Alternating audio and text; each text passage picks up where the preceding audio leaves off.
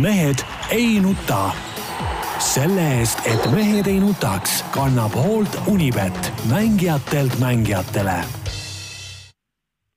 tere teisipäeva, nagu ikka, Mehed ei nuta eetris.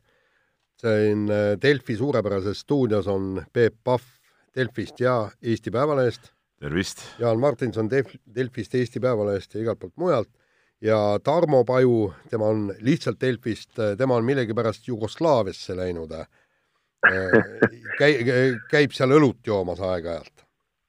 asja sa ja, sinna, ja, asja sa sinna Jugoslaaviasse ronisid? ja tervitused kõigepealt äh, sinna Eestimaale, kus nagu ma aru saan äh, ja nagu olen aru saanud terve reisi jooksul, igav absoluutselt ei hakka kunagi.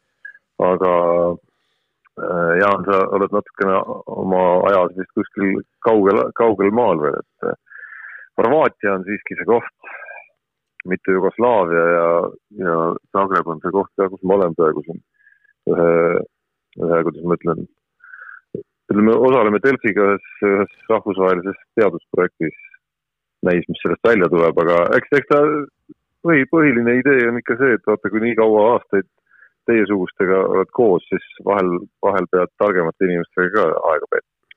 põhimõtteliselt läksid puhkama sinna, nagu ma aru sain? no teist läksin puhkama, jah sa läksid üleüldse puhkama, sest no mingi teadusprojektiga juramine, no see ei ole tõsiseltvõetav tegevus ju. ja põhimõtteliselt on, on sul, on sul teaduskraad üldse olemas või oled sa siis teaduste doktor, teaduste kandidaat või mis ei, mina olen, mina olen praktik. ahah. et mina oskan siin projektis äkki natuke aidata kaasa sellega, et mis asju päriselt vaja on ja mida ei ole.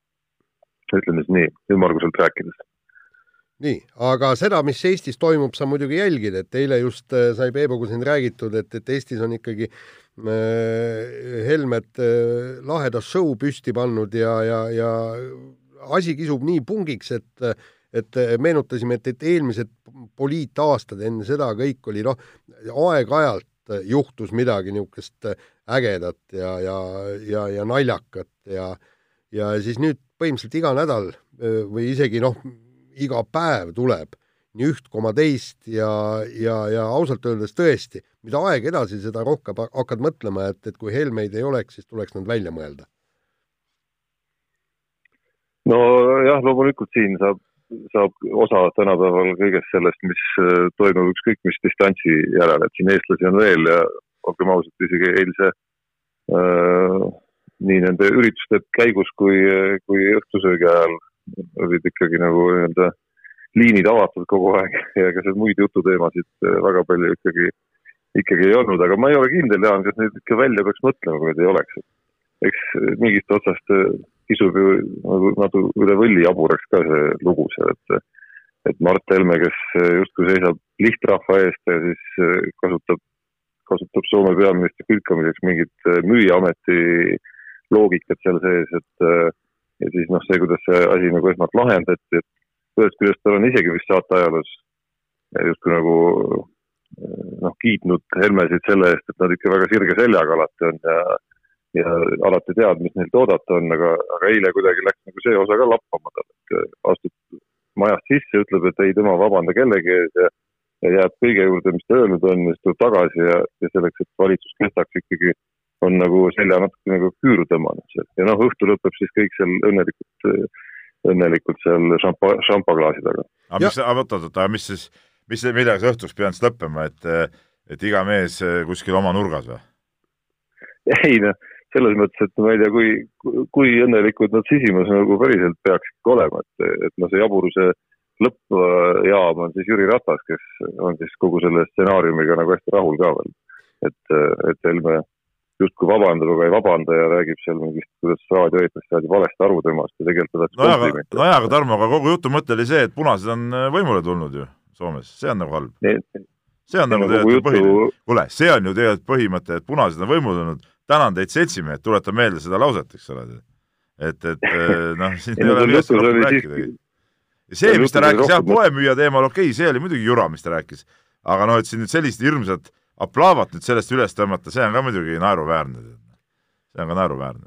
jah, aga äh, Tarmo, vaata, saad aru äh,, nagu meil omal ajal öeldi, ega to-, tola ei ole loll, aga nii et Helmede kohta mitte ühtegi halba sõna, nemad mängivad oma näitemängu täpselt nii, nagu nad seda peavad mängima. aga kes ennast lolliks teeb, see on ju meie kallis peaminister Jüri Ratas. kui, kui noh, põhimõtteliselt absoluutselt igasugune jama läheb läbi ja siis ta on sellega kõik nõus ja rahul ja, ja lõpuks räägib, et, et kui tore kõik on ja meil on ikka väga tugev ja tark ja ja, Jaan, aga vaata, kui suur on tema toetus peaministrina. ei, absoluutselt, noh. ja järelikult teeb ju ju oma valijate silmis teeb õiget asja, noh, sest et numbrid on ju ilmselgelt ju tema kasuks ju. Noh. jaa, aga no Peep, ütle nüüd ausalt, kui sina oleksid peaministri koha peal ja sul oleks põhimõtteliselt iga nädal umbes kolm korda on vaja mingisuguste tolade eest vabandada. ei, ma ei vabandaks seal midagi, aga küsimus on rohkem selles, et me siin räägime kogu aeg, et sõnavabadus ja arvamusvabadus ja aga mis nüüd, nüüd siis järsku ei ole enam sõnavabadust ja arvamusvabadust või? noh, samal ajal Peep, on su, on su see argument ka vastuolus sellega, mis sa oled varem rääkinud, et keegi on tahtnud kuskilt äh, teisest riigist öelda, kas või Eestist öelda midagi, ma ei tea, Ungari, Poola või USA kohta, siis pole kellegi asi, on ju. mis siis Helme asi äkki sealt Soome. ei, ole kellegi asi, aga no aga, aga, aga sina oled ju ka suur äh, sõnavabaduse ja arvamusvabaduse toetaja ja, ja üldse meie siin suur toimetus oma kommentaariumite asjadega räägib siin mingit sõnavabadusest, no nagu mehel on niisugune arvamus, no miks tal ei võis olla siis, noh? No aga miks ta siis, äh, miks ta siis äh, hakkab, hakkas oma kõike seda sõnumit muutma siis pärast üldse? no see on, see on jama, sellega. absurd tuleb nagu, et see tarma. tulebki nagu äkitselt, et kust see nüüd äkki tuli siis, et sellega ma olen nõus. oma sõnade juurde, rääkinud ära, ongi jama, see ei ole, ei tohiks olla see, et müüja tüdrukust saab äkki peaminister ja nii edasi, nii edasi. ja oleks jäänud selle juurde ja siis, siis, siis see pädeks see praegu, mis sa ütled mulle vastu, aga antud juhul ei päde, et nüüd kõik lõpuks ikkagi nagu tõmbavad tagasi kuskil, et saaks õhtul ikkagi klaasi kõrida. kuigi selge on see, et kuidagi väga kiiresti on see karjäärselt müüjatüdrukust peaministriks ka käinud, et, et päris nii need asjad ilmselt muidugi käima ei peaks, et, et ilmselt siin oleks vaja mis, rohkem, mis rohkem, rohkem, rohkem poliitilist kogemust ja asju oleks igal juhul tarvis, et noh, see on nagu selge. igaüks meist võiks olla ju, Peep, mingit lihtsat tööd teinud, sa oled ise ka raiunud seda. ma ei räägi, ma ei räägi, sa ei kuula, mis ma üldse räägin, mida ma üldse räägin siis, kui sa ei kuula mind. nii, vabandust, räägi no ma räägin, et liiga kiiresti on see läinud, loomulikult see on normaalne, kõik inimesed alustavad kuskilt lihtsa töö pealt. see on nagu normaalne, ütleme, inimesed, kes ei ole lihtsat tööd teinud, ei tohiks üldse kuskile jõuda, see on, see on nagu selgemast selgem, et lihtne töö ongi see, mille pealt inimene saabki mingisuguse elutunnetuse ja, ja, ja see on okei okay,, aga aga ma saan aru, et siin on mingi ülikiire äh, tähelend olnud, et võib-olla see on nagu see on nagu liiast, aga see, et inimene on lihtne, lihtsa töö pealt tulnud, selles ei ole nagu mingit küsimust. no aga Peep, mäletad Mart Laari valitsust? ei olnud ju väga paha valitsus aga no,, aga tema oli vaktsineeripoiss. ekstreemsetest olukordadest oli. ei no mis ekstreemne, vahet ei ole. see oli värske oli... vabariik, no soomlastel ja. nii värsket vabariiki pole. nojaa, aga seal vahet ei ole, meil oli ka ju vanu ja väärikaid äh, mehi, naisi, kes oleks võinud äh, samamoodi peaministri koha vastu võtta, nii et, et see noorus, mine sa tea, vaatame, mis seal toimuma hakkab aga no tervikuna mul muidugi täitsa, mul noh, ongi ükspuha, tead, kes seal Soomes võimul on, las olla, tehku mis tahavad. nii, kuule. Nende lähme... oma riigi asi, ise teavad, mis teevad nii, aga lähme nüüd äh, spordi juurde, ma arvan, ja räägime alustuseks talispordist ja ja meie laskesuusatajad, kes alustasid hooaega võimsa, mis ta nimi ongi nüüd, paarisprendi viienda kohaga, siis äh, sel nädalavahetusel ikkagi vajusid, vajusid ära, äh, punktikohtadele ei jõutud. kesine oli isegi see, et, et jõuti äh, Äh, jälitussõitu ainult kahel korral meil ja, ja siis ka niimoodi, et no piiri peal ikka. piiri peal, eks, viimastel ja siis ainukesed sähvatused, mis meil olid, olid, olid siin äh, teatesõitudes mõned, mõned täiesti okei okay vahetused, aga, aga üleüldiselt on see, see pilt ikkagi nutune ja kui me vaatame, et, et kui kenasti me laseme kohati, noh, võtame kas või naised, eks, et kaks, kaks viimast tiiru oli vist teatesõidus oli nullidega lasti või, või, või, vähemalt kaks tiiru lasti seal nullidega ja, ja, ja ei mitte midagi, me ei, me ei jõua mitte kuhugi, sellepärast et me ei suuda lihtsalt suusatada. ja, ja ma ei tea, mille, mille taga see kinni on. ma, ma siiski arvan, et, et, et, et üht-teist on probleeme ka, ka määr, määretes, määrde tiimis, kes ei ole võib-olla nii kogenud, suuskades on kinni, et, et, et sinna, sinna võib täiesti minna niisugune poole minuti kanti. aga, aga tegelikult ega noh, ega, ega seda nii-öelda suusakiirust ei ole ka. no aga seda suusakiirust, ütleme maailma tippudega võrreldes ei olegi meil ju kunagi olnud. no jaa, aga miks no,? miks? miks, no kui, kui sa vaatad, et tuli Raido Ränkel tuli murnusuusatamist laskesuusatamisse, ja, ja need paar sõitu, mis ta tegi, okei okay,, no seal on kõik need mingid trahvirinkide koefitsiendid erinevad, tal esimesel võistlusel sattus sinna lumesatu, saju sisse ja nii edasi et, et ega see, isegi tema sõidukiirus ei ole ju maailma parimate laskesuusatajatega võrdne. ega ei olegi. et paraku, paraku selline on ja, ja kui, kui juba temal ei ole, kes, aga ta on Eesti koondises eh, vaieldamatult kõige kiirem suusataja praegu laskesuusakoondises. ei no MK-etappidel ta küll ei ole näidanud. no aga tegelikult. on ta ikkagi ju sõidukiiruselt alla jäänud vale tervis. no jaa, aga tegelikult hooajal ta oli ju kõige kiirem nendest, noh. ütleme, ma räägin, no jaa, aga MK-etappi sa ei saagi võrrelda, sest tema sõitiski ju äh, selle oma individuaaldistantsi, mis ta sõitis, sõitiski väga halbades oludes, noh. et see on hoopis erinevad olud, noh. et, et eh, no igatahes seis on selline, et, et eh, ega, ega siis nüüd ei saa ju arvata, et järsku inimesed, kes on kogu aeg sõitnud seal, ma ei tea, näiteks kohtadele nelikümmend, järsku ka sõitma kohtadele neli, noh, see on ebareaalne ju. Jaan, sa tunned sporti ju. ma ei tea, mida sa üldse ootad või, või millele sa üldse loodad? no ma ei tea. Siin, ma... siin tulebki, siin tulebki mängu see, mis ma natukene äh, kui hooaja esimese etapi eel sai räägitud laskesuusatajatest, siis ma juhtisin tähelepanu paarile intervjuule, mida Alvar Tiisler tegi Margus Aderiga, kus äh, Margus Ader minu, minu jaoks võib-olla natuke üllatavalt, sest noh, kuulates neid, kuulates neid ikkagi teleülekannete eetris, siis nad muutuvad äh, ka selliste mitte, mitte võib-olla nii suurte saavutuste peale hästi Äh, suurejoonelisteks, on ju, aga selles intervjuus Margus Rader ikkagi hästi jalad maas seadis äh, uueks hooajaks eesmärke ja rääkis ikkagi seal esi kahekümne kohtadest, mitte, mitte sellest, kuidas nüüd äh, hoobilt hüpatakse ja hakatakse lammutama ja poodiumile kerkima. et need sammud, mis toimuvad, saavad, noh, spordis üldjuhul käivad ikkagi nagu palju väiksemate, väiksemate nagu sentimeetrite haaval. et, et ses mõttes on see hooaja algus olnud niisugune selline, kus neid nagu väiksemaid õnnestumisi on, aga kus, kus samal ajal tegelikult on ka jõle palju mingeid jamasid seal sees, et seesama äh, Tuuli Toominga mingisugune terviseprobleem, eks, mis seal on, äh, on nagu selge jama, Rene Sahnel on, ma ei tea, kas endiselt või mingisugune uus küsimus seal selles, et suusavormi nagu tegelikult nagu ikkagi nagu ei ole korras. tal ei ole seda kunagi olnudki ju no tal ei ole sellest nii-öelda sellest ületreeningu mingisugust aastast alates nagu ei ole nagu tegelikult olnud aga kõlab kogu aeg, et, et, et ta kuskil nagu peaks nagu nurga taga ikkagi nagu olema.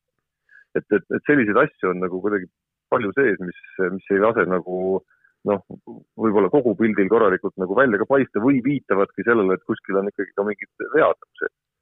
ja kas ei ole mitte ja siis oli veel no. ja üks, ja üks meestest oli haige ka, eks ole, Robert Helme, et tema vormist ei saa veel, ei saa veel nagu pilti ette ja nii ongi, et me oleme näinud nagu eriti teatesõitudest just päris nagu positiivseid hetki sealhulgas äh, mulle isiklikult on, äh, on rõõmu teinud ka see, et Kristo Siimer on näidanud ennast ikkagi, et ta MK tasemel võistelda vähemalt suudab.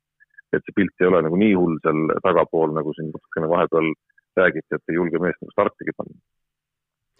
jaa, aga kas ei ole mitte see nii ka, et et need lootused, millest sa rääkisid, no mis sa ütlesid ka, Rene Sahtna räägib, et kuskil see see suusavorm kuskil nagu nii-öelda nurga taga nagu ootab, et kas ei ole mitte lihtsalt see sportlaste niisugune võib-olla natuke enesepettuslik äh, üleootamine nagu või ülelootmine, et, et nüüd tuleb ja nüüd tuleb ja noh, nüüd see aasta hakkan panema ja, ja see aasta hakkan panema, ma just lõpetasin, äh, lugesin, käisin Itaalias siin ja mul oli lennu peal kaasas Tanel Leoki äh, raamat ja seal oli ka, kus ta alustas igat hooaega põhimõtteliselt mõttega, et et noh, nüüd, nüüd hakkan siis seda maailmameistritiitlit jahtima ja no lõpuks ikkagi jäigi see viies koht tal parimaks, et et võib-olla need äh, need ootused ongi tihtipeale võib-olla natuke suuremad kui sportlasel endal, kui see reaalne olukord äh, tegelikult võimaldab või, või, või või, või võib-olla isegi need võimed on nagu olemas näiteks, aga, aga aga ütleme, see reaalne taust ja, ja, ja, ja see tegevus kõik, mis on selle jaoks tehtud, nagu noh, ei ole lihtsalt sellel tasemel. kuule mehed, me keskendume ma, ma, ma arvan, et me keskendume liiga palju sellele laskesuusatamisele, kes, sellepärast et meil on no, see on väga... ainuke atraktiivne talispordiala. ei, seda nüüd küll, aga meil on näiteks siin saates väga atraktiivseid teemasid veel, veel ka ja. tulemas. et, et ühesõnaga, võtame kiirelt nüüd kokku ka, et, et meie Marko Kilp äh, paraku ei suutnud Davosis oma nii-öelda hoo, punktihoogu jätkata, oli seal päramiste hulgas ja ja, ja Kristjan Ilves nüüd vahepeal starti äh, ei tule, tuleb alles uuel aastal. Äh, nii et, nii et äh, peame uue aastani ootama ilmselt, kui me tahame talispordist mingit eduelamust saada. no tundub küll, et lõpuks noh, Kristjan Ilvese see, mida ta tegelikult suudab teha, on ju natukene ka suure küsimärgi all, et ühest küljest justkui selline nagu tema olek ja kõik laused, mis ta räägib, õhkuvad sellest, kuidas on toimunud päris suur samm edasi, aga teisest küljest äh, see vigastus ja, ja kindlasti tänu sellele muutunud plaanid, et need noh, ei ole reaalne, et need mingit jälge ei ole sinna juurde jätnud. no seda kindlasti no,, no seda kindlasti, aga noh, tegelikult põhiküsimus on ikkagi Kelly Sildaru küsimus, et Madis, meie noor reporter Madis Kalvet tegi temaga, temaga loo, eilses lehes ilmus ja, ja, ja sealt äh, ikkagi ka koorus nagu välja tegelikult. Seesama asi, mida me, Jaan, sinuga siin oleme ka eetriväliselt rääkinud, näiteks seesama see, et need ootused on kõrgel küll, et noh, et äh, ta on vähem trenni teinud, eks ole, et ta ise nagu loodab, et ta on nagu võistlustel nagu tahab olla parem, aga samas jutust tuli välja näiteks, et et seesamad kahekordset saltot, mida ta seal äh, vahu, vahukummide sisse teeb, et seda lumele üle viia ei ole nii lihtne, eks ole, et, et kas ja millal tal õnnestub seda võistlusel kasutada, ei ole praegu teada et, et äh, need on nagu need põhiküsimused, et mis, mis nagu sealt saama hakkab, et tema on ikkagi valitsev maailmameister ja meie talispordi kuidas nagu number üks, eks ole, et, et et äh, mis sellest äh, karjäärist ja asjast saab, et, et et siin on nagu kaks varianti, et, et kas selle niisuguse teistsuguse ja, ja ütleme, vähe, hästi minimaalselt lumel käidud ettevalmistuse pealt noh, ei olegi ta enam number üks maailmas omal alal või kui ta on number üks omal alal maailmas, siis see näitab natuke selle ala äh, ala reaalset äh, taset ka, et kui sellise ettevalmistuse ka on võimalik olla esinumber, no siis ma ei tea, mis, mis need teised seal teevad siis. No põhimõtteliselt kõik see selgub ju uuel aastal ja X mängudel pärast seda juutuuril äh, noh, kommertsvõistlustele ta läheb ja, ja noh, ega enne ei oskagi öelda, kui me äh, aga mitte kõige rohkem ärevaks see, kus ta ütles, et et seda kahekordset saltot lumele üle viia on nagu keeruline. jaa, aga, aga Kelly puhul on ju alati niimoodi, et, et kui sa, kui sa temalt küsid või tema isalt küsid, siis nad on alati skeptilised, ütlevad, et ei noh, me seda ei saa, teist ei saa, kolmandat ei saa ja siis me, mis võistlusel ta oli, siis pani selle neljakordse, no mitte salto, aga, aga, aga siis tiirles neli korda üle oma telje, kuskilt maalt leidis selle hüppe millest keegi varem kuulnud ei olnud, et tegelikult ta võib-olla suudab ka selle lumele viia, aga ta, ta ei taha seda välja öelda. Nii, aga nüüd laskem kõlli. no korra, korra, oota, ma korra veel lisan, et, et, et korra on ju, on ta noh, mingis mõttes sarnases olukorras olnud, et vigastuse tõttu pidi päris pikalt eemal olema ja siis me nägime, kuidas nagu maailm vahepeal talle ikkagi sellel põhialal vähemalt järele ei olnud jõudnud. et isegi nüüd, kui ta ütleme, on, on selle kehvema treenituse pealt säilitanud täpselt selle taseme ja säilitab täpselt selle taseme ja needsamad trikid, mis tal äh, käpas juba on, siis sõltub ju ilmselgelt sellest, et kas maailm on vahepeal edasi liikunud või ei ole, et kas konkurendid on selle alataseme tõstnud mingisse uude kõrgusesse või ei ole, aga mulle, mulle tundub, et vähemalt mingisugune esikolmiku tase, see on tunde küsimus, on nagu igal juhul olemas seal isegi sellise ettevalmistusega. see näitab ka natuke seda ala niimoodi nagu, kuidas ma ütlen terviklikkust ja, ja tugevust. kütame eda-, edasi kiire vahemänguga ja äh, selgub, et, et meie äh, Eesti jalgpall ei ole sugugi nii kehv, nagu me oleme siin kogu aeg rääkinud ja kui me äh, oleme arvanud. jalgpalliliidu president Aivar Pohlak teatas, et sakslased ütlesid meile, et oma filosoofialt oleme Euroopa top kümne koondis. Peep, saad sellest aru? jaa, ei ma käisin ka Kuusal ähm, pressikonverentsil, osalesin seal, äh, kui oli see koondise peatreeneri niimoodi taaskinnitamine või lepingu pikendamine ja, ja seal Aivar Pohlak pidas, pidas pikki kõnesid ja minu arust see lause pärineb ka sealt samast äh, pressikonverentsilt tegelikult. et äh, ei saa aru, et kui me oleme, millised oma filosoofialt siis, et laseme endale äh, seitse kolli lüüa või? selles suhtes on ei, tõesti no, maailma top kümme see on ju lihtne, Peep, ikkagi. filosoofia saab ju, mis, mis esi, esiteks tuleb defineerida, mis see filosoofia on, sellest oled aru saanud? Ei, ma ei ole aru saanud. sa oled või? ei no ma ikkagi eeldan, et meie filosoofia on, et me võiks lasta endale vähem väravaid lüüa, kui me lööme või vastupidi, lüüa rohkem, kui meil, kui me laseme ja selles mõttes on see nagu väga tugev filosoofia. jaa, kuidas me sellest, me ei ole Euroopa top kümme selles, et me laseme endale äh, vähem lüüa, kui me ise oleme. filosoofia on meil hea ah. filosoofia on hea no.. jaa, aga vaata, see, seal, seal ongi see, et olgu see filosoofia ja mängupilt ja taktika ja kõik milline tahes, tähtis on see, et, et tuleb võita. kunagi räägiti, noh, ma, ma ei ole kindel, et see lugu äh, on kunagi toimunud, Eesti jalgpallikoondis oli kuskil kahekümnendatel, kolmekümnendatel oli Euroopas reisil, said mingi mängu tappa, saatsid telegrammi jalgpalliliitu, ütlesid, et mängisime hästi, kaotasime, saatke raha. vastu tuli tele, telegramm, et mängige halvasti, aga võitke, siis saadame. mul on tunne, et see on üks lugu nüüd ja Peep oskab kindlasti täiendada seda, mida vist kõikide alade, vähemalt pallimängude tegijad Eestis, kes on, omavad mingit sidet ja kokkupuudet ka nõukogude ajaga, olgu nad korvpallurid, võrkpallurid või jalgpallurid, on rääkinud erineval kujul, nii nagu see oleks tegelikult juhtunud nende alaga just. no täpselt, on, on nii, nii, see vastab tõele muidugi nii, aga võtame järgmise ala ja järgmise ala, järgmise punkti, järgmise ala ka. Eesti pulmusuusatajad on, on ka omamoodi maailma eh, oma filosoofialt Euroopa vähemalt top kümnes ja ja, ja vähemalt selles, eh, kuidas nad käivad MK-etappidel, oleme siis tagasi aastast tuhat üheksasada üheksakümmend kaks, kus suusad pagasnikus, sõidetakse autoga võistlustele ja, ja nüüd on siis meie kahekümne nelja aastane suusamees Kristjan Koll on üheaegselt nii suusatestija, autojuht, treener, võistkonna esindaja ja vist käib ise ka rajal vaevalt või?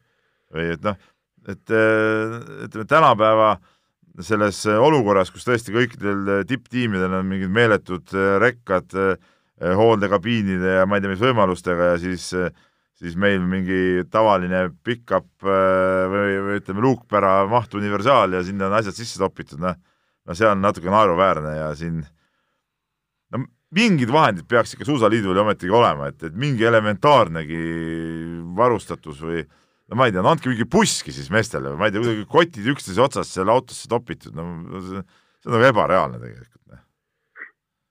jaa, aga ütleme niimoodi, et, et see näitab, kui absurdseks on see suusatamine tegelikult läinud, noh, ala on ju siiski maailma mõistes marginaalne.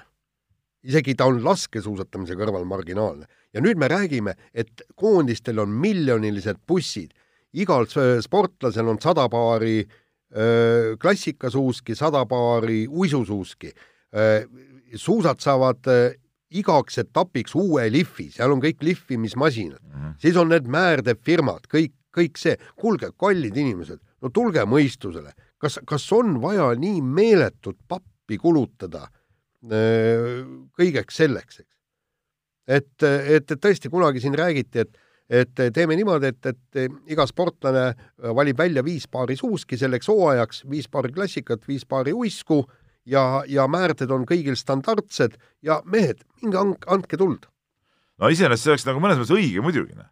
et see praegu on liiga tehnoloogiline, aga, aga olukorras, aga olukorras, kus teistel see kõik on, ei saa olla meie ka nagu mingid naljanumbrid seal. Noh. kuigi meil ju seda suunda vist, seda suunda vist, vabandust, seda suunda vist ju õhus ongi mingid variandid, et tahetakse nagu minna, et natuke seda nagu määrdeteadust eh, kuidagi nagu võrdsemaks teha ja, ja keelata kallimad asjad ikkagi ära. ei, ei Tarmo, see on jälle see mingi Kliim..., mingi kliima, kliimajora või mingi see idiootsus, mida need kliimaaktivistid räägivad. et see ei ole nagu, see, see ei ole sellest tingitud. ta võib olla kliima ja keskkond, aga ta efekt oleks ikkagi ju ka, kuigi noh, mine sa tea, võib-olla on topeltefekt hoopis see, et et seda suuremaks lähevad vahed, sest et uh, suured tiimid ja rikkamad suudavad ikkagi mingisugused uued asjad välja mõelda, aga, aga väikesed lähevad parafiini peale umbes piltlikult öeldes no põhimõtteliselt seal on ka see, et, et okei okay,, meile soomlased määrivad küll meie suuski, aga ma ei ole kindel, kuivõrd äh, efe-, äh, efektiivselt ja hästi nad seda teevad, siin Marko Kilp ütles ka, oli hädas, et, et suusad määriti liiga vara valmis. ja, ja, ja teine asi on ju see, neid suuski tuleb testida. ja, ja meil ongi praegu Kristjan Koll ongi see mees, kes, kes äh, suusa testimisega tegeleb ja üldiselt noh, no me, me ei saa suurtele vastu, no mitte midagi teha ei ole. aga meil ei ole ka taset, ütleme, et ega küsi-, et nüüd keegi valesti aru ei saaks, et me ei saa mitte vastu sellepärast, et meil on nagu viletsad tingimused, meil on ikka, ei saa vastu sellepärast, et meil pole ka, ka mingit taset sõitjatel, ütleme, kui Marko Kilbil on mingisugunegi tase, siis ülejäänutel kahjuks praegult ei ole rahvusvahelist eh, taset tegelikult. ja, ja ma arvan, et kui nad saaksid ka perfektsed suusad ja suuskade öö, suuskade pealt tuleks viieteist kilomeetri peal niisugune kas või minut või poolteist võitu, siis ikkagi sellega mitte kuhugi ei pääse. no mis Nii. tegelikult viib ikkagi selle küsimuseni ka, et kas äh, äh selle taseme juures äh, ja nende võimaluste juures on neid väheseidki võimalusi mõtet üldse MK-etapi käimise peale kulutada. no aga kuskil sa pead ju võistlema ja, ja ega on ju olemas mingid Põhjamaade karikasarjad ja mingid no, sellised võistlused ka ikkagi. no jaa, aga need toimuvad kuskil nurga taga ja need toimuvad äh, näiteks noh, ütleme seal Norras, Rootsis ja te, teine asi on see, et, et kui sa võistled äh, MK-sarjas, siis alaliidule mingisugust äh, väikest raha ikkagi makstakse, et et, et noh, las nad seal käivad, las nad pürivad, äkki saavad mõne punkti veel kirja. nii, aga nii, aga, aga Karm, seis on ei, sinu kord on rääkida. ja minu õigus, kord, aga no vahet ei ole. andeks, palun. jah, ei ole hullu, aga karm märk on tõesti, Alo Jaakin, meie äh, jalgrattur, äh, võitis Euroopa mängudel hõbeda, mis, mis oli tõesti tegelikult Eesti noh, Eesti rattakogukonnas väga tore ja kõva sündmus. ta tuli Eesti meistriks väga hea sõiduga, tunnistati Eesti parimaks jalgratturiks Tanel Kangreti ja Rein Taaramäes ja siis põhimõtteliselt karjäär lõppeski, tuli pillid kotti panna, sellepärast et äh, mitte ükski äh, profiklubi ei pakkunud talle enamat kui äh, miinimumpalka, kuigi noh, seal on väikseid nüansse, et, et ta sai arvestada ainult Prantsuse profiklubidega ja tal oli võimalus Cofilisesse saada, aga, aga sealt lõigati nagu kaks meest nimekirjast maha ja, ja, ja sinna meeskonda ta ka ei pääsenud kuigi kolmekümne kolme aastane, ta oleks võinud ju ikkagi veel sõita paar-kolm head aastat ja, ja just hakkas minema tal. ta palkas personaaltreeneri, arenes kõvasti ja kõik, et tegelikult on kurb, aga noh, see on paraku elu ja see on iseenesest nagu ikkagi nagu, nagu totter elu iseenesest, noh, et kui sa tõesti sa oled oma elu tippvormis ja mida eelmine hooaeg või noh, praegu lõppev hooaeg näitas, et Alo Jakin oli tippvormis, siis no kuidas ei tekkinud nagu mingit võimalust, ma ei saa nagu sellest hästi aru ütleme, rattamaailm on ju täis ju mingeid neid tiime, mingeid suvalisi sõitjaid, no kuidas, kuidas saab nii olla, et et niisugune mees võib ripakile? Noh? no jaa, aga... jaa, aga no ma kujutan ette, olemata spetsialist, et, et rattamaailm, eriti nendes riikides, millest me räägime, Prantsusmaad ja, ja muud äh, selle kandi riigid, et, et see on ka täis sellel tasemel jalgrattureid no just, Alo Jaakineid on maailm täis ja ta ise ütles ka, eks, et, et äh, tema mänedžer äh, liiga palju temaga ei tegelenud ja ta ei tahtnud kuskil kellegiga suuski risti lüüa, et, et ta oleks võib-olla noh, nõudnud või, või mingisugust kuidagi surunud ta kuhugi meeskonda või välja kaubelnud parema palga, sellepärast et noh, nagu öeldakse, et, et mänedžeridel on äh, staarid ja siis äh, noh, peotäis halli massi ja selle halli massiga ta ei hakka oma, kindlasti oma suhteid öö, äh, halvaks tegema kolleegide ja tiimidega selline on elu. nii, aga äh, selline on elu ka äh, seesamas Kelly ja Henri Sildaru maailmas, et äh, nüüd on teada, et Henri Sildaru, siis Kelly väikevend, teeb juba saltosid igas neljas suunas, aga Kelly lumel veel mitte, sest mis me rääkisime, aga aga küsimus ongi selles, et kas nüüd Henrist on saamas hoopis uus ja suurem staar, igatahes treenerist isa Tõnis on öelnud, et lastetreeningute lahutamine oli ainuõige otsus, et nüüd saab Henri keskenduda ka lihtsalt rohkem oma tegemistele ja oligi vist viimane treening Laagar oli olnud läbi aegade parim, mis nad on koos teinud. ütleme niimoodi, et, et ma olen ju käinud eh, seal X-mängudel kaks korda ja, ja vaadanud, kuidas, kuidas seal tõesti isa tegeles eh, Kelliga, Kelly sai seal mäe peal sõita, trenni teha, teda filmiti, teda juhendati ja kõik, ja samal ajal Henri, okei okay,, siis ta oli veel poi-, poisiuiss ka, aga, aga tema lihtsalt oli seal kõrval, tal oli mäepilet ja sõitis mägedest alla, tegi noh, omaette mida oskas ja mida sai. ja, ja, ja nüüd ongi, et, et nüüd, kui, kui sa saad Henriga tegeleda päevast päeva ja tunnist tundi, et, et, et sealt võib tõesti midagi välja kasvada, kuigi noh, nagu me noor reporter Kalvetiga rääkisime, et nende kahekordsete saltodega meeste seas praegu midagi Hendrik on laps tegelikult. no ei, seda muidugi. me ei saa teda võrrelda täismeestega. no ja ütleme ka..., ja ütleme, meeste arvestuses on sel alal ikkagi see konkurents ka märgatavalt äh, võimsam ju kui, kui naiste arvestuses. aga tal on ju kaks aastat aega, kuni, kuni see, sisuliselt kaks aastat aega, kuni see olümpia kvalifikatsioon ja kõik, kõik need hakkavad, nii et, et äh, mine sa tea. ma muidugi ei suuda siin Zagrebis oma kõrvu uskuda, et äh, Peep tegi sissejuhatuse sellele teemale Peep, kellega on olnud meil saates küll ja küll teemaks see, kuidas äh, noorte sportlaste puhul liiga vara ei maksaks üldse midagi rääkida. ja tõepoolest Peebu suust paindusid kõik sellised äh, laused nagu, et kas uus staar on sündimas või, või midagi sellist. selle ma lugesin maha siit paberi pealt, mille on Jaan või sina ette kirjutanud. ma ei tea, kumb pani teemast kokku et me räägime kolmeteistaastasest poisist ikkagi veel, et jube vara on siin hakata midagi ütlema üldse veel. Ei, täitsa nõus, ei, no selles suhtes, muidu seda ma ütlesingi, et, et ta on alles laps, et, et ega see, siin ei ole nagu mingit praegult veel hõisata, et temast tuleb maailmameister, noh, ja arvestades seda, et sellel alal, ma räägin, meeste hulgas on hoopis äh, hoopis teistsugused konkurentsitingimused, siis nagu ongi veel vara rääkida. jaa, aga siin me peame vaatama ja meie mingi nii-öelda niiske unenägu ainult. jah, aga me peame vaatama seda arengukõverat ka ja just vaatama, kuidas on Henry... meil ei ole millegi peale arvata, vaadata seda, sest me ei tea ta arengust mitte midagi praegu. just, aga, aga tahakski teada, et, et kuidas ta on võrreldes omaealistega ja võrreldes võib-olla aasta-kaks vanematega. ei, seda muidugi, jah ja.. nii, aga palun väga, Jaan. mina, aa. Nii, ja ploki lõpetuseks Marko Kristal äh, andis teada intervjuus Eesti Päevalehele, et, et kui praegused treenerid nõuaks noortelt sellist füüsilist trenni, nagu neilt nõuti omal ajal lõvide ajal, siis pannakse see treener lihtsalt vangi.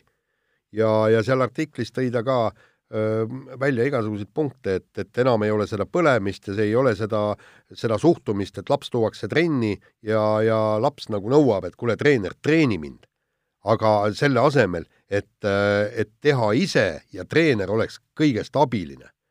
et, et, et seal oli nagu see pro-, probleemide hulk äh, noortespordis oli ikkagi päris muljetavaldav, mis Kristal välja tõi.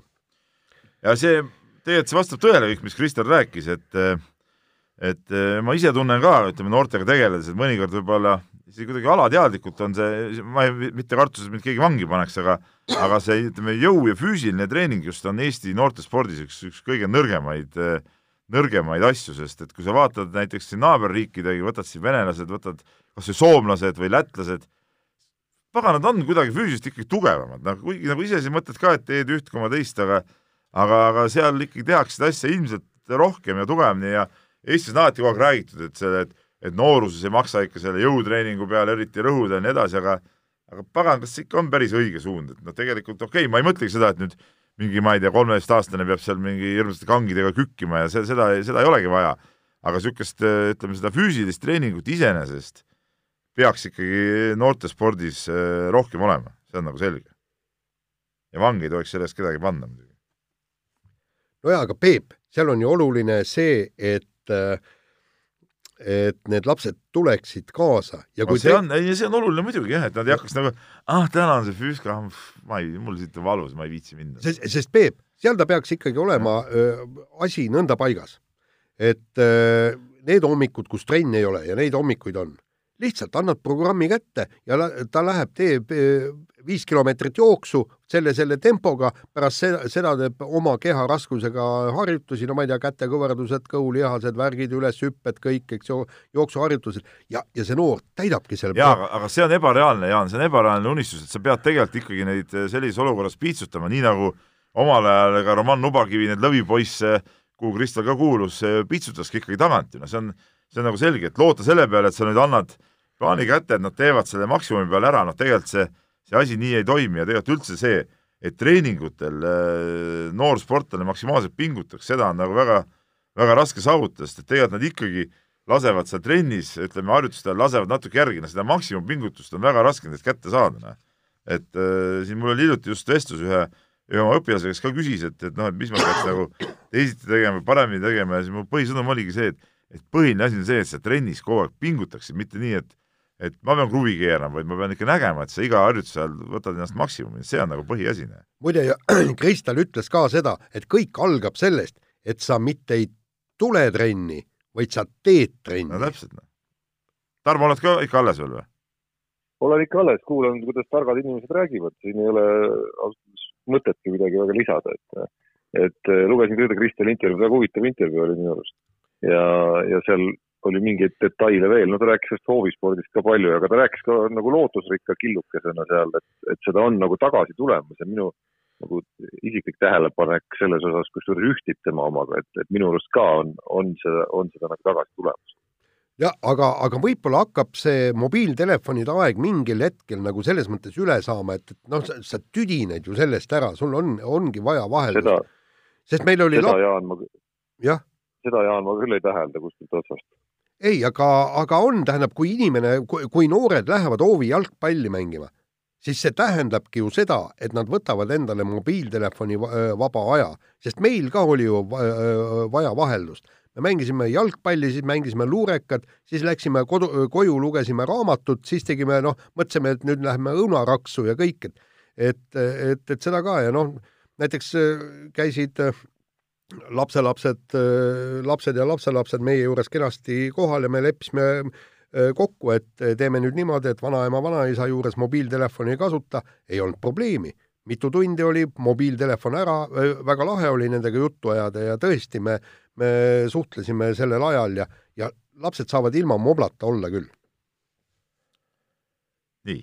laseme kõlli. kõlli, jah. Unibetis saab tasuta vaadata aastas enam kui viiekümne tuhande mängu otseülekannet seda isegi mobiilis ja tahvelarvutis. Unibet, mängijatelt mängijatele. Tarmo, kas sa Unibetist ka räägid või? ikka räägin ja loodan, et ka teie räägite, sellepärast et meie aastane ennustusvõistlus Unibetis hakkab äh, lõpusirgele jõudma ja ma olen aru saanud, et teil on kõvad lõpuspurdid käsil ei, siin mingit spurti vist ikka ei tule, kui ikka ei oska seda asja, siis ei oska. Peebukene, no nii allaheitlikult. ei noh, jah, on, on nagu on see värk. no ütleme niimoodi, et, et panin kolm Ameerika jalgpallipanust, ühe panuse panin, võtsin kolm mängu kokku, aga seal olid noh, panin soosikute peale, nad täiesti kindlalt võitsid. no liiga suurt kassat ma sellega teinud, aga üht-teist ikkagi siis ühe mängu panin siis, panin siis nii-öelda äh, kehvema võistkonna peale, selle võitsin ka ja siis äh, täna panin kõva summa panin siis selle peale, et, et Indianapolis Colts kaotab, seal oli ka koefitsient oli muidugi madal, aga võitsin ka selle, et, et ühesõnaga ma kuskil kraapsin umbes sada eurot äh, selle kolme mänguga kokku, mul on nüüd kuskil sada viiskümmend eurot seal. sada eurot? ohoh, vot see on ikka tõsine avaldus. see on väga tõsine avaldus. jah. no vot, peab kohe ja mina olen sulle natukene lähemale tulnud, pean tunnistama ise, et äh, jäin oma Euroliiga juurde ja ja no niisugune panustamise klassika muidugi leidis aset, et äh, tuvastasin umbes kolm-neli potentsiaalset niisugust nagu head panust, äh, millest ühe siis valisin välja ja loomulikult see läks untsu, see, kui ma nüüd õigesti mäletan, oli vist Cervenas Vesta ja, ja Baskonia mäng ja siis kõik ülejäänud panused, mida ma olin mõelnud ja jätsin panemata, need loomulikult äh, noh, läksid, läksid täpselt niimoodi, nagu ma mõtlesin, et need ilmselt lähevad, noh a la, et Anatolo Efes võidab võõrsil äh, Istanbuli Fenerbahce'it, nii et äh, olen miinuses ja tulin sulle, Jaan, lähemale ja kui sul on sada viiskümmend, siis meie vahe on alla saja euro. no nii, aga aga ma olen Jaaniga umbes tasa, võib nii öelda.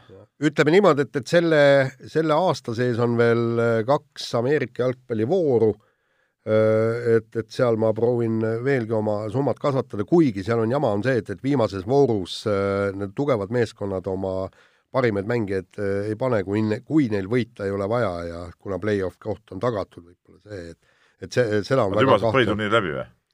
ja siis saab põhiturniir läbi ja siis lähevad play-off'id. see on küll võimas hooaeg, kaks kuud mängisid ja ongi läbi. ei, nad, kuidas nad hakkasid septembris mängima, september, oktoober, november, neli, neli, neli septembrist kuni oktoobrini, kak-, üks, oktoober kuni november kaks, november, detsember kolm. ja no pea, jaanuari mängivad peaaegu välja, jõuludel on, pärast jõule on viimased voorud, nii et nii. nii, aga ma ütlen veel nii palju Unibetist, et äh, mehed ei nuta eripanus on ka tulekul, aga, aga seda ei saa veel üles panna, sellepärast et asjaosalistel on, on veel äh, mängida vahepeal muid mänge, aga need asjaosalised antud juhul on loomulikult korvpallurid ja ühed koonduvad eh, klubi alla nimega BC Kalev Cramo ja teised klubi alla nimega Moskva CSKA. ehk siis äh, ei ole kaugel äh, korvpalliaasta kodustest suursündmustest, kui CSKA tuleb Saku Suurhalli meile külla. ja see mehed ei nuta eripanus saab olema siis äh, selline, kus on võimalik võimendatud koefitsiendiga panna selle peale, et Kalev kaotab, kas võidab või kaotab vähem kui kolmeteistkümne punktiga. kolmteist on niisugune ilus number mäng on siis pühapäeval kell viis, suur sünd. jaa, mul on piletid olemas juba. piletid või? see on nagu, hakkab ajakirjanikuks ei kvalifitseeru enam?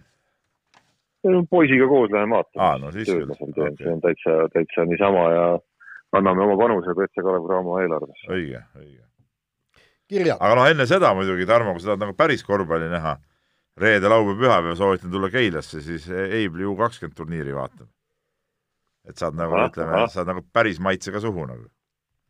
pileteid veel on?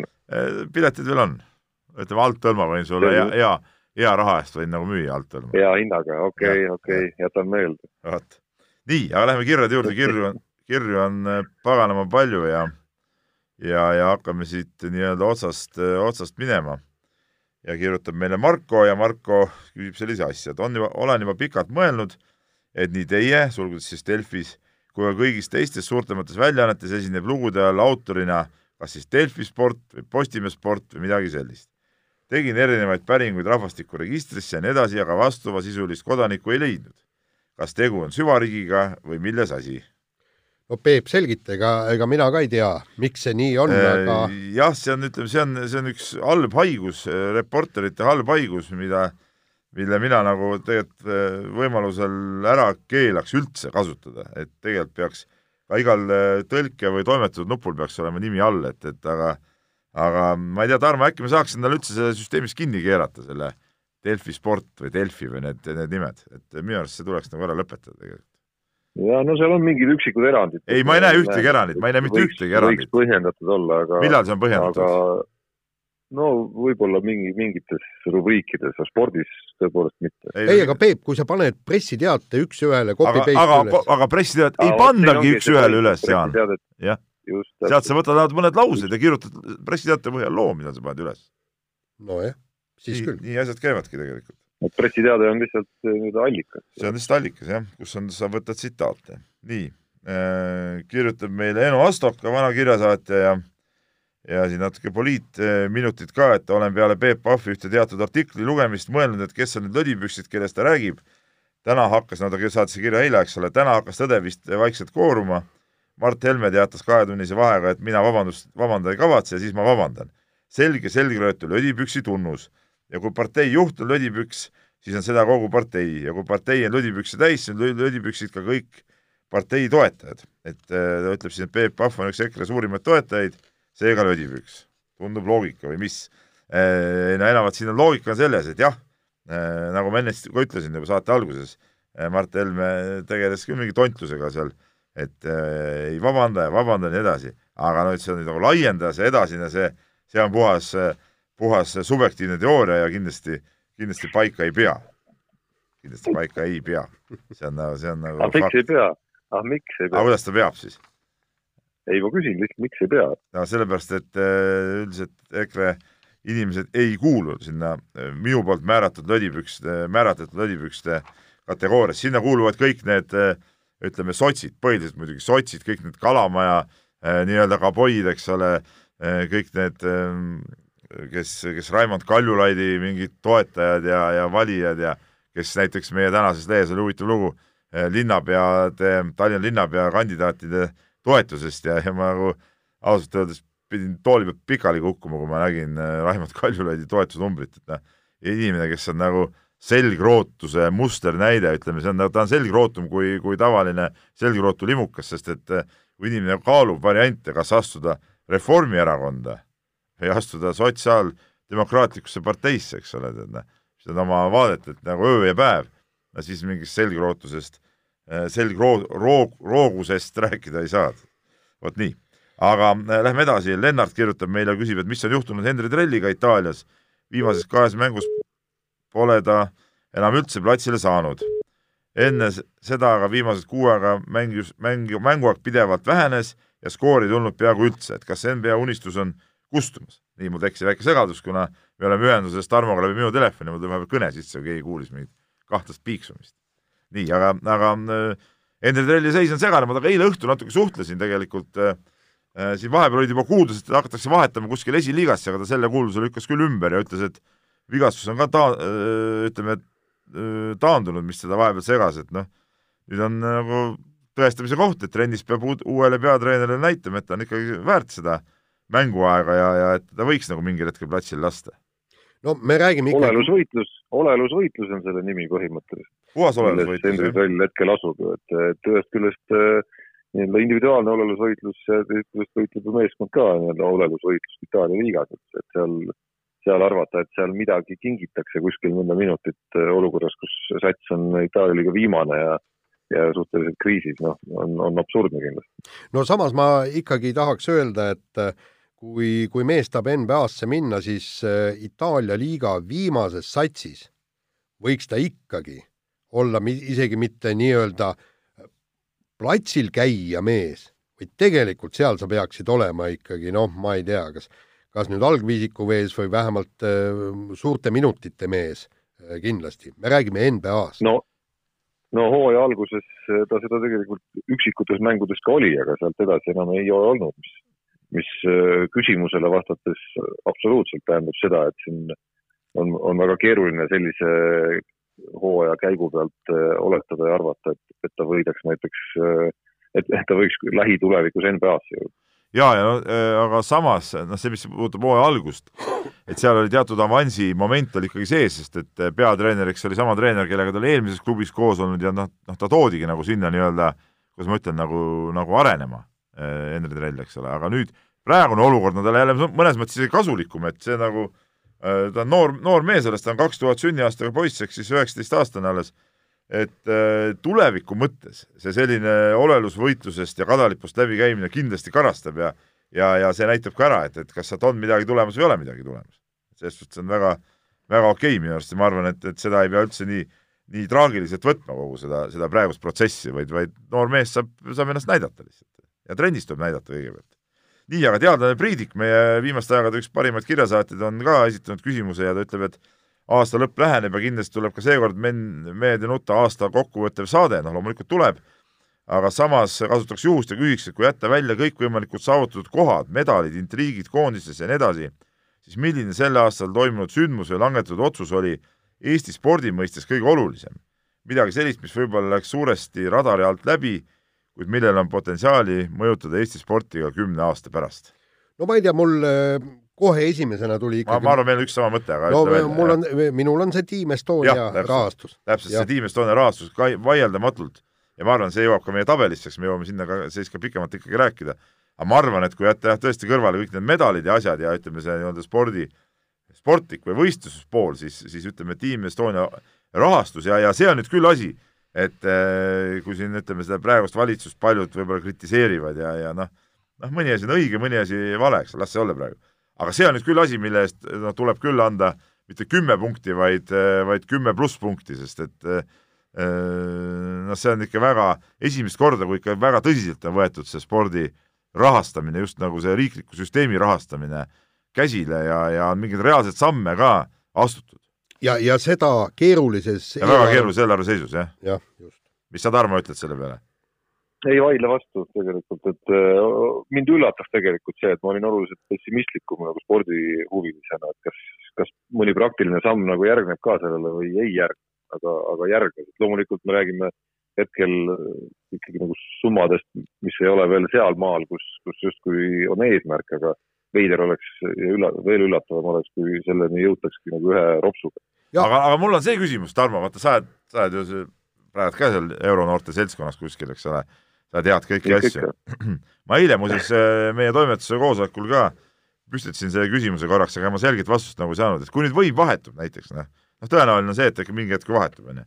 et kas siis kõik need, äh, ütleme, need äh, seadused ja, ja, ja need asjad, mis siin praegu vastu võetakse, need muudetakse kõik nagu tagasi või? et kas siin on ka oht, et see Team Estonia no. rahastus nagu kaob nagu ära jälle või? No ütleme, seda toetust, mis juba antud on, seda sa ei, okei okay., no üheaastast pole, see peab ju kestma ju kümneid aastaid, seesama, sama süsteem on ju. aga põhimõtteliselt on loomulikult võimalus teha ju maksusüsteeme ringi ja pensionisüsteemi uuesti hakata ringi tegema ja nii edasi ja nii edasi, et lihtsalt uued valitsejad peavad siis otsustama, et et millel, mida nad nagu ta-, mille kallale nad tahavad minna ja mille kallale mitte. no aga siis sa Tarmo spordimehena peaksid olema selle poolt, et praegune valitsus püsiks ju?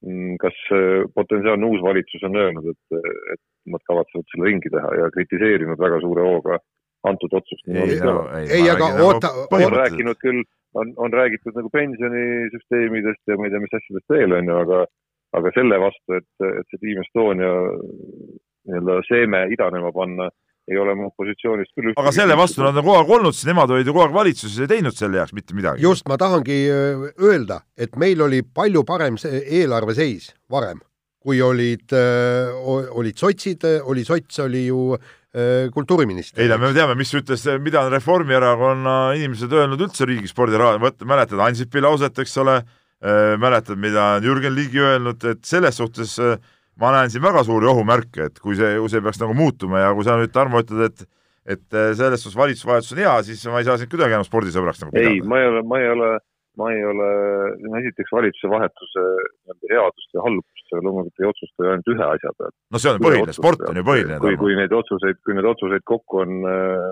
mitte kümneid, vaid sadu või kui mitte rohkem isegi. aga ma miskipärast ausalt öeldes julgeks väga kahelda, et, et selle kallal noh, loo-, loodame, loodame, aga kuule, me nii, paneme edasi, jah, siin kirju jäi veel õhku, aga, aga paraku need praegu õhku jäävadki, nii. no nii, aasta parimate sportlaste valimine, paljud on oma valiku teinud, need, kel tegemata. ega sel teemal oli kirju tegelikult, aga me arutame seda niisama, jah. just, aga ütleme niimoodi, et, et et, et see segadus ikkagi, ikkagi kestab ja, ja see segadus võtab võimaluse või ühelt või teiselt saada selle Kristjani omanikuks ehk parimaks sportlaseks, jutt käib e-, eelkõige just Ott Tänakust, sellepärast et äh, nagu me teame, paljud spordiajakirjanikud ja, ja kuuldavasti ka paljud publikust ei ole teda pannud individuaalsportlaseks äh, kirja. ma ei saa sellest aru, ma ei saa sellest süsteemist aru, no pagan, kuidas saad mitte panna, kui äh,, mida siis üldse vaielda on, kui nad on äh, võistlustel, on nad ju ka ju individuaalsportlastena ju, noh, saage nüüd sellest aru, nad on erinevad, nad ei ole rallipaar maailmameister, vaid nad on sõitja maailmameister, kaardilugeja maailmameister, mina võin öelda, mina tegin selle rahvahääletuse juba ära, mina panin Ott Tänaku esimeseks, no siin võib vaielda, miks nii ja mina panin Ott Tänaku esimeseks, Martin Järveoja teiseks, nemad on maailmameistrid, nemad on kaks esimest minu silmis, nii. ja siis edasi, kuna meil on kaks MM hõbemedali meest, siis seal on niisugune emotsionaalne valik, kas paned Kirdi kolmandaks või paned Maicel Uibo kolmandaks, noh. Et, et, et siin nagu ei ole nagu midagi, midagi isegi nagu mõtelda või, või arutada, ma ei saa nagu üldse aru, millest see, millest kogu see aplaava ja mis, mis kohaga mõtlevad inimesed, kes kes nagu seda hääletust teistmoodi teevad. ma selles mõttes tõesti assisteerin praegu Peebule, et kui me vaatame äh, kõike annaale, kui me võtame nimekirja, kes on tulnud maailmameistriks, siis mitte kuskil, mitte üheski kohas ei ole pandud, et maailmameistriks tuli Ott Tänak, Martin Järveoja. seal on kaks erinevat rida. Äh, sõitjate maailmameistrid, kaardilugejate maailmameistrid. sellepärast, et kaardilugejad võivad Aga... ju vahetuda. jah, ma, ma küll ise ei äh seda, mis ma nüüd ütlen järgmisena, ei toeta, aga see, kui te ainult selle argumendiga vaidlete selle kasuks ja ka mina, mina tegelikult äh, täitsin oma ankeedi täpselt samamoodi. küll ei pannud Martin Järve teiseks, vaid natukene allapoole Ott Tänaku esimeseks. siis, äh, siis selle loogika järgi, mis te ütlete, võiks hakata argumenteerima, et äh, aasta võistkonna arvestusse nad nagu ei peakski minema. no täpselt nii, noh ühest küljest. mis aga, oleks, mis oleks ka siiski väga veider. jah, aga, aga, aga vaata, seal, sealt tulebki jär, jällegi mängu, et kui ne,, kui neid võetakse kui individuaalsportlasi, ütleme niimoodi, et, et kõik nii juriidiliselt on nad individuaalsportlased, ja, ja, ja, ja siis on tõesti võistkonnasportlased, ehk siis jalg, jalgpallurid ja korvpallurid ja kuidas siis nemad saavad olla ühtäkki individuaalsportlased? või võtame vehklemisnaiskond. meil on olnud niimoodi, et et Julia Beljaeva tuli individuaalselt. no ei, aga ta võitis ka maailmameistritiitli, jah. ja ta sai parimaks sportlaseks individuaalse maailma. jaa, okei, jah, ja, ja, ja okay. sellega, aga, aga selle järgi ei saaks ju pallimängijaid üldse, üldse panna, sest nemad on raudselt võistkonnasportlased ju. jaa, aga noh, mingis, mingi maani on võimalik neid ikkagi eristada, noh, Ott Tänaku ja Martin Järveoja puhul on see veel eriti lihtne, sellepärast et nad põhimõtteliselt teevad veel nagu erinevaid asju ka mida noh, hinnatakse siiski ka natuke erinevalt, olgem ausad. et äh, võrdluseks tuua näiteks rannavolle baar, noh, meil ei ole küll ühtegi maailma tipptasemel, aga seal sisuliselt on äh, nagu meeste vanust eraldi ikkagi noh, peaaegu võimatu hakata niimoodi hindama ja eristama. aga seal neid nagu ei võetagi eraldi ju. aga nagu me räägime no, neid rallis võetakse eraldi nüüd, selles ongi see vahe. et sellepärast, ma ütlen, sellepärast on ka minu arust loogiline, loogiline see, et, et see praegune variant võiks täiesti nagu sobida ja mulle jääb ka segaseks, miks mingid inimesed, äh, kes osalevad hääletusel ja ma ei pea ainult inimesi, nii-öelda rahvahääletusel osalejaid silmis, vaid ikkagi ka neid, kellel on justkui nagu natuke suurem vastutus, näiteks meie enda kolleege, et kuidas seal ikkagi see, mis on justkui nagu kokku lepitud, siis mingite inimeste, mingid inimesed nagu eiravad seda lihtsalt öeldes, et ei, meie, meie, meie tänast ikkagi individuaalsena ei arvesta, kogu lugu. meil oli üks kiri ka kusjuures äh,, tähendab, kirju oli rohkem sel teemal, aga üks kiri minu arust, mis ideena on meil läbi käinud ju ka varasematel aastatel, mis muidugi mingist otsast nagu lahendaks selle probleemi igaveseks ära. ehk siis see idee, et äh, aga mis oleks, kui panekski nad kõik ikkagi nagu ühte potti. ei, aga sa ei saa, äh, tähendab äh, Äh, tähendab, sa paneksid naised, mehed, võistkonnad. kõik no see on see Jaani idee jälle, ta on ei, soomlaste pealt maha viksinud. ei, äh, ideel on jumet, aga Tarmo, kuidas sa käitud siis, kas pallur võib individuaalsportlasena seal olla? no soomlastel ongi praegu suur dilemma, ma saan aru, hokimeeskonna kapteniga. no ja just, aga, aga, aga siis ongi, soomlased annavad individuaalsed äh, autasud ja võistkondlikud autasud, mitte midagi ei muutu ehk siis dilemma jääb täpselt samaks. Dile-, dilemma jääbki samaks ja, ja samas äh, küsimus on see, et nad saavad parimaks panna näiteks ähm, jalgpallikoondise või hokikoondise, võivad ka eraldi mängijad panna seal või, või, või, või siis individuaalsportlased, kõik niimoodi, aga seda juhul oma koondis, aga kui tõesti nüüd Teemu Pukki mängib Inglise liigas niivõrd hästi ja kui ta poleks viinud meeskonda EM-finaalturniirile, noh, sa ei saa ju võistkonda, sa ei saa ju Norwichit panna öö, Soome parimaks võistkonnaks. Nii et dilemma jääb, aga mind puudutab palju rohkem see küsimus ja millele ma hakkasin tõesti tõsiselt mõtlema ja kolleeg Taavi Libe sellele viitas. keda me siis valime, kas Eesti parimat treenerit või eestlaste parimat treenerit? ikka Eesti parimat treenerit, siin on nagu, see on minu jaoks ka selge, see värk. välismaalane ei saa olla Eesti parim treener see on nagu selge, see on, see on selgemast selgem. jaa, aga vot, vot seda peabki, ma arvan, et, et selle valiku puhul nüüd äh, väga palju seda ei arvestatud, aga, aga seda tuleks rõhuda ja see tuleks selgeks rääkida ka järgmiste valimiste puhul. et äh, et äh, need Küprianod ja kes iganes me, meie kergejõustiku seesama, ütleme, soomlased peaks siis ju näiteks, kui nad, ütleme, valiksid selle pukki parimaks sportlaseks, eks ole, siis nad, nad ei vali ju seda äh, tema klubi treenerit ju parimaks treeneriks, noh. no just no,. see oleks nonsenss tead, noh. nii, aga nüüd Tarmo kadus ära meil, võtame ta uuesti kiiresti liinile. nii, et ühesõnaga sellega, sellega on paras segadus ja võib-olla, võib-olla enne järgmist no nii äh, nii, nii, nii äh, hakkas tulema lause, mis ei sobinud, ma saan aru, ja Peep kiiresti pani ei, ma mõtlesin, et sa ise nagu viskasid nii-öelda toruargile, sest sulle ei sobinud see minu teooria sellest, et et eh, soomlased peaks siis selle pukki treeneri näiteks, kui eh, pukki saaks parimaks sportlaseks, peaksid ju siis klubitreeneri valima või noh, võiksid nagu klubitreeneri valida ka aastatreeneriks, mis on ju absurdsus ju tegelikult. Jaa, lihtsalt see, see on absurd, aga teisalt, kui sul on eh, näiteks koondise peatreener välismaalane ja koondis on edu saavutanud, siis jälle ei tundu absurd. ei, miks tundub ikka. tundub ikka. et ses mõttes, et ses mõttes minu arust on see ta ei ole Eesti treener. okei okay,, aga ma olen nõus selle, aga ma olen nõus see, et, et nagu mõlemad käivad sinna alla aga ma olen nõus ka sellega, kui äh, selle argumendiga, et äh, või seisukohaga, et igal juhul peaks see nagu üheselt mõistetavalt kirjas olema kuskil nii-öelda juba äh, EOK ehk hääletuse korraldajate poolt, auhindade väljaande poolt, peaks see olema ikka nagu väga selgelt ära otsustatud ja ära öeldud, et seal vaidlust ei tekiks. nii, aga, aga lähme viimaste, viimaste teema juurde, jah, jah et äh, Riigikogu võtab vastu või võttis vastu, ma ei teagi, kumb see on, et see on lugemisel praegu, siis ma ei tea, kas esimene lugemine on tehtud ja, ja, mis läheb siit edasi, jah. uue spordiseaduse ja seal on siis äh, ka maksuküsimused äh, määratud ära ja, ja vähemalt üks klubi, BC Kalev, Cramo andis teada, et, et kui see seadus vastu võetakse, siis nemad panevad oma uksed kinni, klubi läheb selle pankrotti, sellepärast et kõrgepalgalistele mängijatele äh, Äh, palka makstes peab maksma ülemäära makse. no see on, ma kirjutasin sel teemal ka kommentaari siin tegelikult äh, lehte ja, ja iseenesest ma kiidan seda, seda seadust kui sellist, et loomulikult peab makse maksma ja, ja ja spordi tegemine on samasugune töö nagu, nagu ma ei tea, meil siin näppudega klahvide toksimine või, või mõnel mehel labi taga kraavi viskamine, et, et töö nagu iga teine, et miks see peaks teistmoodi olema, küll aga peab nagu äh, riik aru saama ka sellest teise käega nagu, et äh, sport ei ole see valdkond, et see ei ole nagu äri, noh, meil, meil Eestis ta ei ole äri, ta ei ole nagu, nagu NBA või, või, või NFL, kus mingid meeletud rahasummad liiguvad.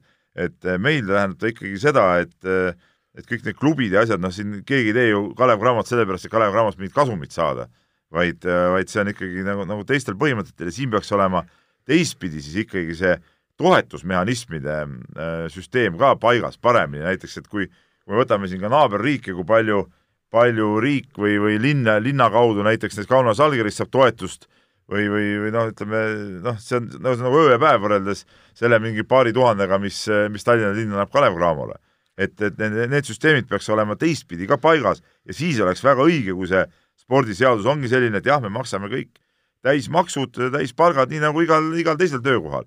lihtsalt peab olema see kuidagi see tippspordi toetamise, just võistkonnaalade toetamise süsteem peab olema paremini paigas seejuures. Mul on, ma ta-, mul just nagu hoidsin nagu kätt puld, puldil nii-öelda, et, kohe üle võtta, kui Peep lõpetab, aga aga siis, mida rohkem Peep rääkis, seda rohkem sain aru, et, et tahan täpselt sama asja öelda, et, et ühest küljest no, et ongi nagu väga kahetsed tunded, et ühest küljest mulle tundub nagu väga mõistlik see seadus, mis, mis menetluses on, mis siis ütleme, tekitab väga selged ja selged, ütleme kaks erinevat erandit isegi, mis puudutab siis stipendiume ja, ja neid, kellel on palgaleping sõlmitud, neile nii-öelda nagu mingi sportlase palga maksuvabalt lisaks tasumist, aga see aitab siis eelkõige äh, ütleme siis selliseid äh, klubisid, kus noh, me räägime palkadest või töötasudest, mis on seal nagu tuhande, võib-olla noh, kokku siis kahe tuhande euro kandis, et siis, äh, siis jäävad need summad, ütleme enam-vähem samasse suurusjärku nagu, nagu nad praegu võib-olla isegi oleks stipendiumite puhul. Äh, lisandub neid maksukulusid ikkagi klubi jaoks oluliselt vähem, sportlased saavad samas mingid tagatised ja nii edasi. Aga kui me räägime siis sellisest nagu tipptasemel tegemisest, nagu Kalev Cramo paratamatult peab tegema, kui ta tahab rahvusvahelisel areenil tegutseda või ükskõik mis muu klubi, siis me räägime olukorrast, kus, kui sa tahad mängijale näiteks sada tuhat eurot aastas eh, endiselt kätte maksta, siis sinu reaalne kulu kerkib seal kuskil saja kuuekümne, saja seitsmekümne tuhande euroni. Ja tegelik probleem ei ole ju, ei ole ju see, vaid hoopis see, millele sa nüüd viitasid ka, et, et, et on igalt poolt nagu suhteliselt kõvasti tõmmatud ära ikkagi neid, neid allikaid, kus Kalev Cramo-sugune meeskond või klubi saaks, saaks siis abi mingitest struktuuridest, olgu need riik, linn või siis või mingisugused riigiettevõtted või ja rääkimata sellest, et sponsorid ka aina rohkem nagu ütleme, panustavad vähem siis sellistesse kohtadesse ja no siin tuleb vaadata ka tõesti välismaale, et kui me räägime Sloveeniast, siis seal on ju riigi panus, riigifirmade panus, Sloveenia sport on ju meeletu ja, ja saavad ka pallimängualad. Ja, ja teine asi, kui me vaatame Põhjamaade spordi finantseerimist, siis tegelikult on kõige suurem vahe, nii suur vahe ei tule isegi, isegi sellest nii-öelda äh, Äh, Team Estoniast või, või, või, või siis olümpiatoppeni ja siis Soome tippspordi vahel, kui sa seal vaatad, siis tegelikult me väga palju alla ei jää, aga probleem on selles, et omavalitsused maksavad kordades, neli, viis, kuus korda panustavad sporti rohkem.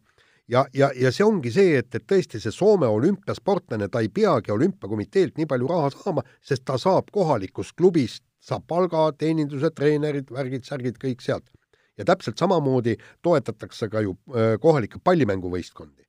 ja, ja, ja tõesti, kui me, kui me paneme tõesti, tõstame, tõstaksime selle nii-öelda omavalitsuse äh, spordiraha nelja-viiekordseks, ma arvan, et, et äh, siis leitakse ka probleem ja, ja kolmas asi on see, kuidas on, Žalgiris, Kaunase Žalgiris on ju riiklik projekt. no sellest päris riiklik projekt ei ole muidugi. ei, aga, aga, aga, aga, aga riik aga riigi või õigemini läbi, läbi linna vist tuleb, äh, Tarmo võid mind parandada, minu arust läbi linna tuleb see summa põhiliselt, mis nad saavad. et see on ikka märkimisväärne osa eelarvest, noh. no ja ma ei julge ka pead anda selle koha peal, aga, aga kindlasti äh, ma ei suutnud nüüd kiiresti välja öelda, mis või välja otsida jutu ajal, et mis see täpne summa on, millega Tallinn näiteks WC äh, Kalev raamat see oli mingi äkki kakskümmend noh, tuhat või midagi niisugust või?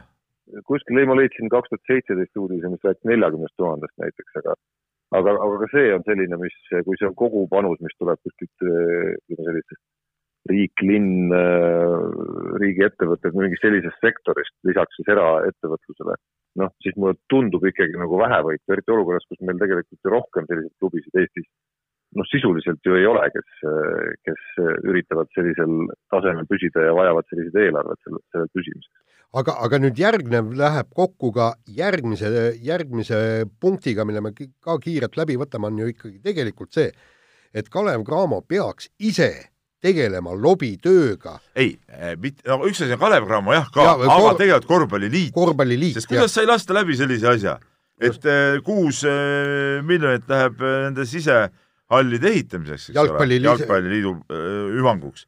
aga mis korvpall kasu saab? pull see on siis, noh? ja, ja tegelikult peaks praegu korvpalliliit, võib-olla ka võrkpalliliit ja, ja Kalev Cramo ja, ja need juhtivad klubid, kes mängivad ka välisturniire, minema ja tegema selgitustööd valitsuses, Riigikogus äh,, kantslerite seas, et kuidas äh, süsteem paika panna nii, et meie ellu jääks. Ja, ja nii vaikselt on tehtud seda lobitööd, mis äh, toob äh, Team Estoniale nüüd äh, tõesti kolm miljonit uuel aastal, sealt edaspidi peaksid summad veelgi suurenema. Ja, ja, ja, ja see, et, et nüüd neli jalgpalli sisehalli, kuus miljonit makstakse sellest, see on nii vaikne töö, et, et me ei ole sellest kuulnudki. ja, ja jalgpalli no me kuulsime sellest ühe korra ühe korra põhimõtteliselt oleme kuulnud, kui oli see vist kusagil enne valimisi, kui eh, üsna niisuguse tühja koha pealt Jaanus Karilaid tuli niisuguse ideega välja, et, et meie spordi valimislubaduste seas on selline asi sees. see on ka, see on põhimõtteliselt ainus nagu suurem hetk, kus sellest üldse nagu kuidagi nagu on, on võimalik sellele nagu näppu peale panna. just, ja, ja, ja jalgpallurid peaksid aru saama, et see ei olnud kindlasti Karilaidi enda idee, vaid talle istutati see pähe. aga mis ma nüüd ütlen, need neli jalgpallihalli, täiesti kahe käega olen sellega poolt. peaasi, et on spordi tegemiskohad, absoluutselt. aga ma ütlen, et me ei saa jääda ainult jalgpallihallide peale, see on minu jutu mõte. Ja, et ja, mis need teised teinud on samal ajal? jaa, Peep, ma saan aru, aga tegelikult on kõiges rohkem, ongi puudus jalgpallihallidest sul on vähemalt olemas, kus korvpalli mängida, aga neil on tõesti talvel meil on ju ka ruumikitsikus ju totaalne no jaa, aga neil ei ole üldse mitte midagi. see on selge ju, et Põhjal, Põhjamaal sa pead jalgpalli treenima, mängima ikka sisetingimustes, mitte midagi teha ei ole. kui me võtame Islandi näite. midagi ei ole ja midagi, ja midagi ei ole ka ju erakordset või üllatavat või vastuolulist sellest, kui